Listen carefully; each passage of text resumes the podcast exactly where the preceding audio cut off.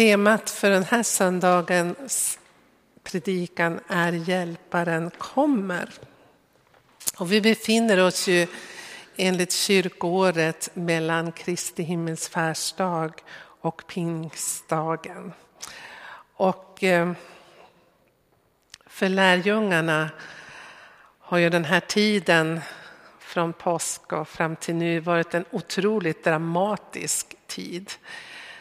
Först den sista kvällen de är tillsammans med Jesus innan korsfästelsen, som vi strax ska komma tillbaka till. När Jesus talar till dem och ger dem undervisning om hjälparen som ska komma. Men också, han talar om att han ska lämna dem och de är oroliga. Och sen natten när Jesus blir fängslad och lärjungarna överger Jesus. Och så kommer fredagen när Jesus blir fängslad och korsfäst. Dödad, begraven. Och lärjungarna gömmer sig av rädsla för att samma öde ska drabba dem. Och sen det fantastiska som händer efter tre dagar. Att Jesus plötsligt kommer och står mitt ibland dem och visar dem sina händer. Han är uppstånden, han lever. Och trots att han har pratat om att han ska komma tillbaka så verkar det inte som att de alls hade väntat sig att detta skulle hända. Eh, evangelisten Lukas han berättar i Apostlagärningarna att Jesus inte bara visade sig för dem en gång utan flera gånger under 40 dagar och undervisade dem om Guds rike. Ända tills den 40 dagen som var nu i torsdags som vi kallar Kristi himmelsfärdsdag. Då lämnar Jesus dem och återvänder till Fadern. Men innan han gör det så säger han åt dem att de ska stanna i Jerusalem och vaka och be. Att Gud ska sända dem kraften, den helige Ande. Och när Jesus säger det så återknyter han till det han har undervisat om den sista kvällen han var tillsammans med dem innan korsfästelsen. Och då kommer vi till dagens predik och text som är från Johannes, det femtonde kapitlet. Johannes är ju den som återberättar för oss, tack och lov, vad Jesus sa den här sista kvällen han var tillsammans med lärjungarna. Och det är bra, för vi förstår att det var viktiga saker han berättade för dem om. Och så här står det i vers 26. När hjälparen kommer som jag ska sända er från Fadern, sanningens ande, som utgår från Fadern, då ska han vittna om mig. Och ni ska vittna, ty ni har varit med mig från början. Detta har jag sagt er för att ni inte ska komma på fall. Det ska utelämna er, utesluta er ur synagogorna. Ja, den tid kommer då den som dödar er tror sig bära fram ett offer åt Gud. Och detta skall de göra därför att de inte lärt känna Fadern och inte heller mig. Jag har sagt er detta för att när, när den tiden kommer ska minnas att jag har sagt det. Att ni ska minnas att jag har sagt det. Jag skulle vilja uppmuntra dig att när du kommer hem eller någon av de närmaste dagarna kanske sätta dig ner och läsa hela Jesu avskedstal i Johannes då, kapitel 13 till vers 17. Om du läser det i en följd så kan du se att det är väldigt uppenbart att lärjungarna är oroliga. Därför Jesus återkommer med uppmaningen Känn ingen oro och tappa inte modet. Lärjungarna visste att Jesus hade en dödsdom hängande över sig och även om de inte ville tro att Jesus skulle bli korsfäst som han hade pratat om så är de uppenbart oroliga. Känn ingen oro och tappa inte modet. För det andra som du kan lägga märke till det är hur Jesus tröstar dem. Han tröstar dem med att han ska sända hjälparen, den helige ande. Hjälparen, parakletos, som kan översättas som försvarsadvokat, hjälpare, tröstare. Han ska komma till dem. Och då kan vi ta nästa bild. Och det här, ja, man har ju många favorittexter, men det här är en av mina favorittexter. Det här har han sagt lite tidigare i samma kapitel, eller i, vers, i kapitel 14. Jag ska be Fadern och han ska ge er en annan, en annan hjälpare som ska vara hos er alltid, sanningens ande. En annan hjälpare, egentligen står det en hjälpare av samma slag, alltså någon som är lik mig själv, menar Jesus. Världen känner inte, kommer inte att känna igen honom. Men så säger han, men ni känner den eftersom den är kvar hos er och kommer att vara i er. Jag ska inte lämna er ensamma, jag ska komma till er. Och varför jag tycker så mycket om den här texten är därför att Jesus lovar att sända hjälparen som inte bara ska vara hos dem utan som ska vara i dem. Alltså närmare kan inte Gud komma. En av kyrkofäderna har sagt så här att han sammanfattar Jesu uppgift i världen så här att Gud blev människa för att vi skulle bli bärare av den helige ande. Gud blev människa för att vi skulle bli bärare av den helige Ande. Alltså Jesu uppdrag på jorden blev in, var inte fullbordat förrän på pingstdagen när, när den helige Ande blev utgjuten över alla som tror och alla som vill ta emot. Alltså det, det var liksom hela... Jesus kom till jorden och han levde här och han gjorde under och tecken men han dog, han uppstod han var tillsammans med lärjungarna, men det var först när anden blev sänd som uppgiften på jorden var på något sätt färdig. Så Jesus tröstar sina oroliga lärjungar med att var inte orolig. Även om jag lämnar er så kommer hjälparen, jag kommer sända hjälparen, den helige ande. Och han kommer att vara hos er och i er. Och det är något som vi kan ta till oss. Men Jesus tröstar inte med ord om att de ska slippa smärta och sorg som ligger framför dem. Korset var en nödvändighet. Han säger att det är för det bästa som jag lämnar er. Ty om jag inte lämnar er kommer inte hjälparen till er. Alltså det var nödvändigt att Jesus skulle dö på ett kors, uppstå, för att anden skulle kunna bli given. Och lite längre fram i kapitel 16 där vi nyss var så ska vi läsa, då kan vi ta bild 4. Jesus säger så här. En kort tid och ni ser mig inte längre. Ännu en kort tid och ni ska se mig igen. Och det fick de. De fick ju möta Jesus efter tre dagar. Men så säger han, sannerligen jag säger er, ni kommer att gråta och klaga. Men världen ska glädja sig. Ni kommer att sörja, men er sorg ska vändas i glädje. Alltså han tröstar dem med att, att de kommer att ha det tufft en tid. Han tar inte bort den här sorgen ifrån dem, eller smärtan. Han säger så här, när en kvinna ska föda har hon det svårt för hennes stund har kommit.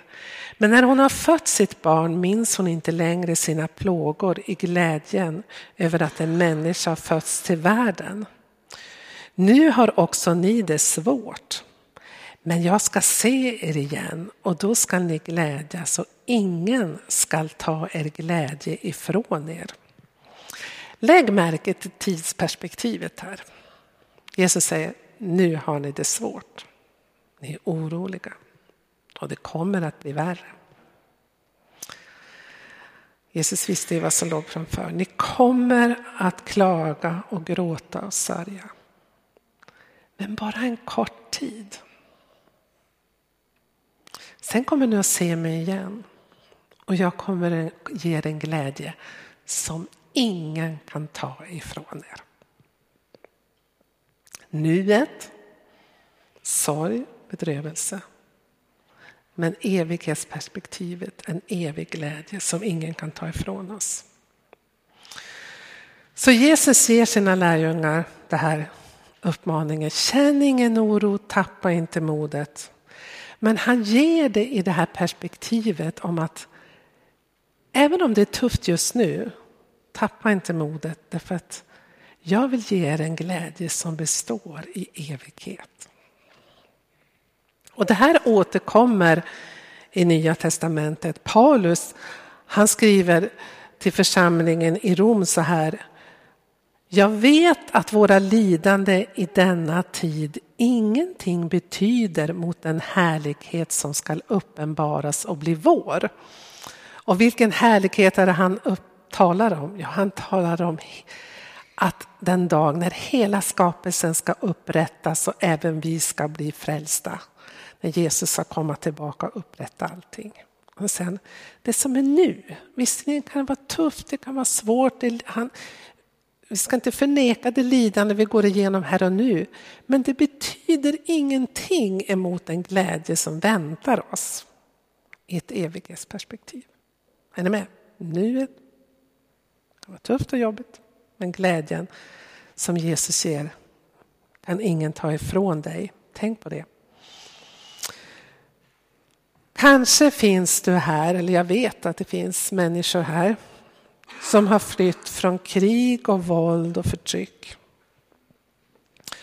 Och kanske är det så att du lever i smärtan av att ha förlorat någon nära anhörig i den situationen genom våld. Att någon nära anhörig har blivit mördad. Lidandet som du bär på, det kan vi som har levt trygga här i Sverige knappast förstå eller riktigt leva oss in i. Vi kan bara säga så här att vi vill försöka dela den smärtan med dig. Och vi vill vara, försöka vara till tröst och hjälp.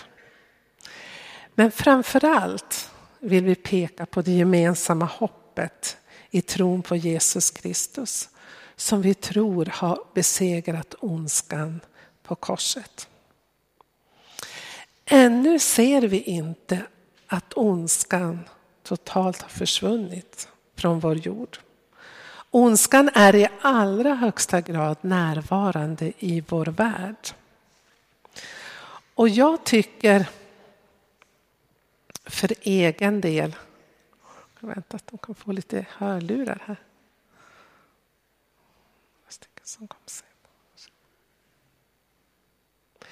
Jag tycker för egen del att ondskan har kommit mycket, mycket närmare mig. Lidandet påminns vi hela, hela tiden om. Även vi som lever här i trygga Sverige. Varje dag när jag öppnar tidningen så läser jag om våld och övergrepp. Våld och övergrepp i vår stad, i vårt land, men ännu mer i andra delar av världen, inte minst i Mellanöstern och Nordafrika. Vi påminns hela tiden om orättvisor, våld och förtryck. Och den här senaste, de senaste veckorna av den stora naturkatastrofen i Nepal. Och vi vet att det är många av våra kristna bröder och systrar som också är drabbade där. Om våld mellan unga män. Jag tänker på morden i Göteborg, men också tidigare de mord som har skett här i Norrköping. Och inte minst allt det vi hör om hur kristna förföljs runt hela vår värld. Inte minst i Mellanöstern, men också andra delar. Lidandet har nog på något sätt, jag vet inte om du håller med mig, men jag tycker att det har kommit närmare. oss. Och då kan man ju tänka, var finns Gud? Varför stoppar han inte alltihop det här? Varför gör han inte slut på lidande? Är inte lidandets bägare fylld till bredden? Håller det inte på att svämma över? Ja, det kan vi väl tycka. Men vi som är samlade här, vi är samlade här Därför att vi tror att ondskan redan är besegrad. Döden är besegrad, synden är besegrad. Jesus har dött och besegrat ondskan genom sin kärlek och han har uppstått. Och vi tror att han ska komma tillbaka. Vi tror att rättvisa kommer att skipas. Vi tror att ondskan kommer att lida det fullständiga nederlag. Vi tror på en upprättad värld, en upprättad skapelse. Därför är vi samlade här, för att prisa Gud, eller hur? Vi tar ut segern i förskott, eller efterskott, det är ju både efterskott och förskott, för han har ju redan vunnit segern. Är ni med? Ett litet halleluja kanske? Ja, vad bra. Tillsammans, oavsett hur vår livssituation ser ut, lever vi i hoppet att Jesus ska komma tillbaka, som han har lovat. Men det jag känner för egen del, jag vet inte om du känner det också, det är det att det finns en stor risk att vi som sitter här i Sverige och läser om allt lidande eller ser på tv, att vi blir mer och mer förhärdade i våra hjärtan. Det är så mycket så vi orkar inte riktigt ta in det. Och därför tror jag det är otroligt viktigt att vi ber Gud att han ska bevara vårt hjärta mjukt. Och att vi inte glömmer våra trossyskon som lider runt om vår värld. Att vi gör det vi kan göra för att hjälpa dem. Det var mycket innan jag kommer tillbaka till texten som jag nyss läste. Då kan vi ta bild fem igen som jag, som jag nyss läste. Jesus talar om hjälparen som han ska sända. Hjälparen kommer är temat för den här söndagen. Och när jag läste det i kyrkårets texter att åh, temat för den här söndagen är hjälparen kommer. Då tänkte jag bara att den överskriften är så hoppfull. Så egentligen skulle jag bara vilja att vi mediterade över den en stund. Hjälparen kommer. Om du skulle ta in det i ditt liv, vad innebär det i din livssituation? Att Jesus säger till dig, känn ingen oro. För jag ska sända hjälparen, den helige Ande. Han ska ge dig en glädje som ingen kan ta ifrån dig. Det Jesus säger här det är det att den helige Ande ska vittna om honom, om Jesus.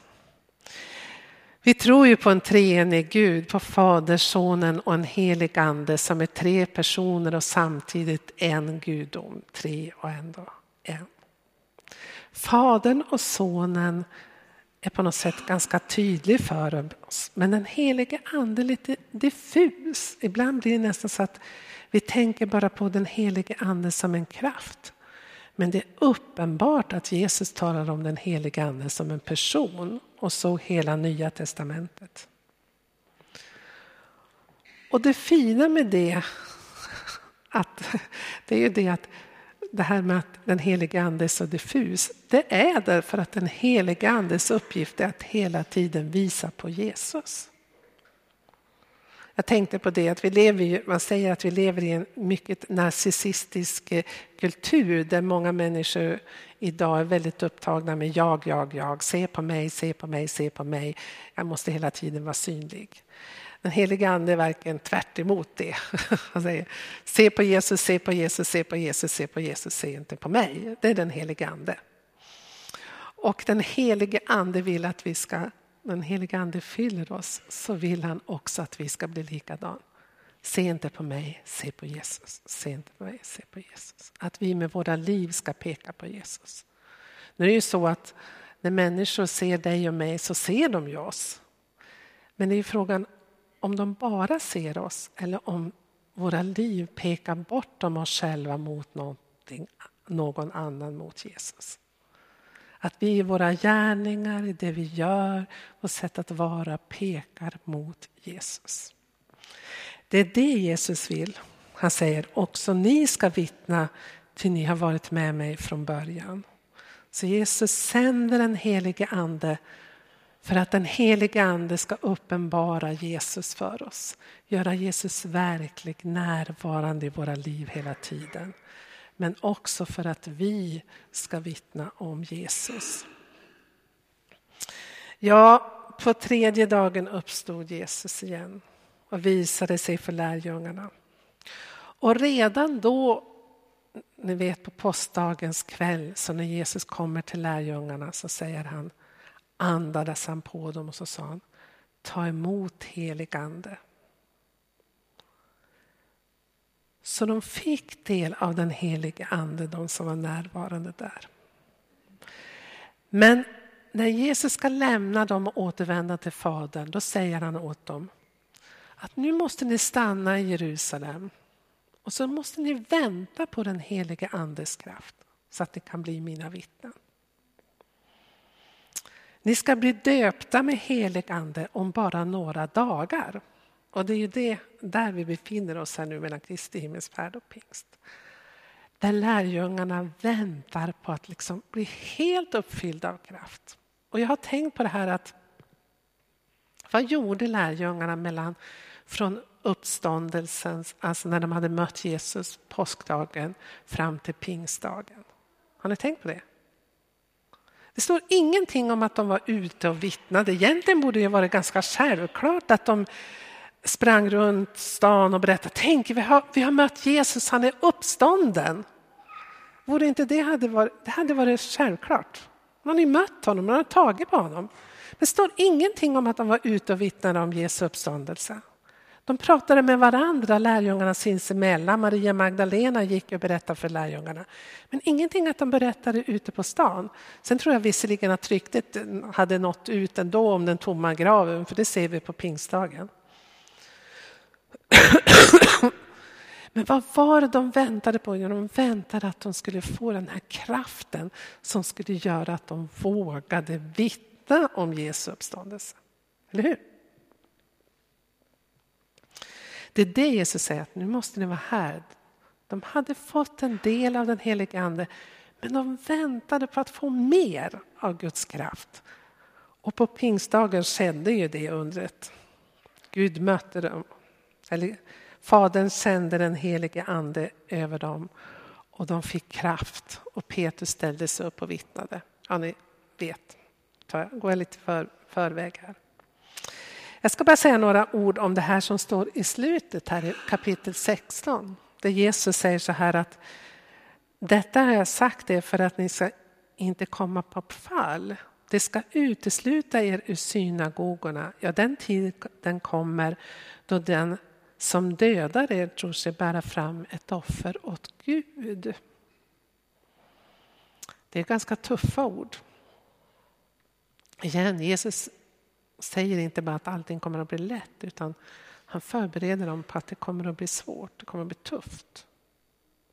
Människor kommer till och med att vilja döda er och säga att de gör ett offer åt Gud. Och det ser vi ju redan de första lärjungarna. Att de, nästan alla av apostlarna led ju martyrdöden och det började tidigt, förföljelsen mot de kristna där Paulus var väldigt aktiv till att börja med. Och de trodde naturligtvis till att börja med att de gjorde det för Guds skull.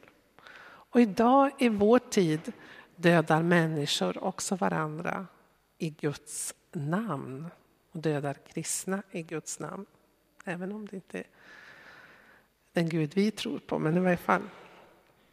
Och då kan man tänka att jaha, varför säger Jesus det här? Ja, han bara säger det för att de ska veta det och för att de ska vara förberedda på det. Och jag tror att det också var därför det var så viktigt att de skulle vänta på kraften. De behövde den helige Andes kraft för att orka stå emot när förföljelsen skulle komma. Och det är likadant för dig och mig. Vi lever tryggt här i Sverige, tycker vi idag. Men vi vet ingenting om morgondagen. Men det jag tror vi verkligen behöver, det är Guds kraft. Att vänta på Gud och ta emot honom. Och då kan man ju fråga, hur kommer Gud till oss? Hur möter han oss? Ja, Gud kommer inte alltid till oss som vi förväntar oss och inte alltid enligt vår egen tidsplan. Jag undrar hur lärjungarna kände sig när de satt där uppe i övre salen. Jesus hade sagt några dagar. Jag tror att Petrus efter så två, tre dagar börjar bli ganska otålig och tycka nu har det väl ändå gått några dagar. Men de fick vänta tio dagar. Ja. Det fanns en tanke med det. Men jag tror att det finns en fara för oss att vi missar Guds närvaro eller Guds möte ibland därför att vi har gjort, gjort oss en föreställning om hur Gud ska möta oss. Jag har sett det i samtal med människor och jag har märkt i mitt eget liv att vi väldigt ofta gör oss en föreställning att Gud ska möta mig på det här sättet och så missar vi nästan Guds närvaro i våra liv eller vi missar Guds möte. Och ofta är det just därför att vi hör andra människors vittnesbörd om hur de har mött Gud eller hur Gud talar till dem och så tänker vi att Gud ska tala likadant till oss. Men Gud möter oss alltid, var och en personligen på ett unikt sätt. Och jag tror han vill tala till oss allihop i vår vardag eller där vi befinner oss. Peter Halldorf han har skrivit så här i sin bok Heligt år. Han skriver så här. Gör vi oss en alltför bestämd föreställning om hur Gud ger sig till känna är risken att hans besök går oss förbi. Anden är den oväntade gästen, överraskaren. Herrens dag kommer när vi minst väntar det. Jag tycker det är fint att tänka på anden som överraskaren. Apostlarna fick sen möta Jesus på pingstdagen och det kom först ett, ett dån från himlen och så kom det en stormvind. Och så kom det tungor av eld som sattes på dem. Så det var väldigt tydligt och väldigt kraftigt. Och vi skulle väl önska det också vi, att tänk om vi fick möta Gud på det sättet. Men när jag förbereder den här predikan så kommer jag att tänka på Elia, en av Gamla testamentets största profeter. Han fick möta Gud på berget Horeb. Men han fick också, först kom det ett, ett jordskalv. Sen kom det en stark storm. Sen kom det en eld. Men Elia märkte att Gud var varken i jordskalvet eller i stormen eller i elden. Och så, står det, och så kom det ett stilla sus. Och först då skylde Elia sitt ansikte och så gick han ut för att möta Gud ur grottan. Elia, han var, tror jag, van att lyssna efter Guds tilltal och röst. Och nu befann han sig dessutom ute i öknen i tystnaden.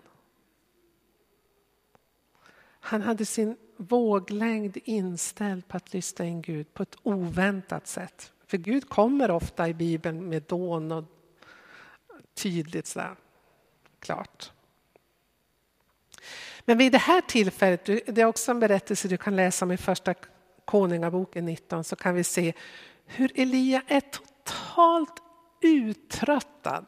Han befinner sig ute i öknen därför att han han har flytt dit för sitt liv, han är rädd att han ska bli dödad. Han är helt utbränd efter den andliga kampen på Karmelsberg. Han är totalt utbränd om du läser det.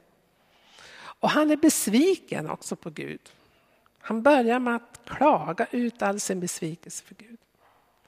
Och kanske är det just därför Gud inte kan möta Elia på något annat sätt än i den stilla susningen. Alltså Gud möter Elisa där han behöver bli mött. På ett väldigt stillsamt, försiktigt sätt. Kanske en del av er kan känna igen det när man är trött, när man är slut, man är helt färdig. Jag vet inte var du befinner dig i ditt liv. Lärjungarna var samlade i övre salen i väntan på hjälparen. Elia han flydde ut i öknen. flydde från de som ville döda honom, men jag tror också att han flydde till Gud. Vart vänder du dig i din nöd? Och var söker du dig för att möta Hjälparen, den helige Ande? Jag skulle vilja utmana både dig och mig att de här dagarna fram till pingst, att vi kanske tar lite extra tid för att söka Gud så att han ska komma till oss och fylla oss med den helige Ande och möta oss. Vi behöver också kraften för att vara hans vittnen. Var söker du Gud? Det är frågan. Och det, kom ihåg att Gud möter dig där du är. Var öppen. Gud är överraskningarnas Gud. Gud kan möta dig på de mest oväntade platser i de mest oväntade sammanhang. Vi ber. Herre, tack för att du har sänt din heliga Ande. Och tack för att du sänder hjälparen till oss gång på gång. Som vill vara hos oss och i oss. Och jag ber Herre att du ska också ge oss kraft och längtan efter att söka dig. Jag ber om det i Jesu namn. Amen.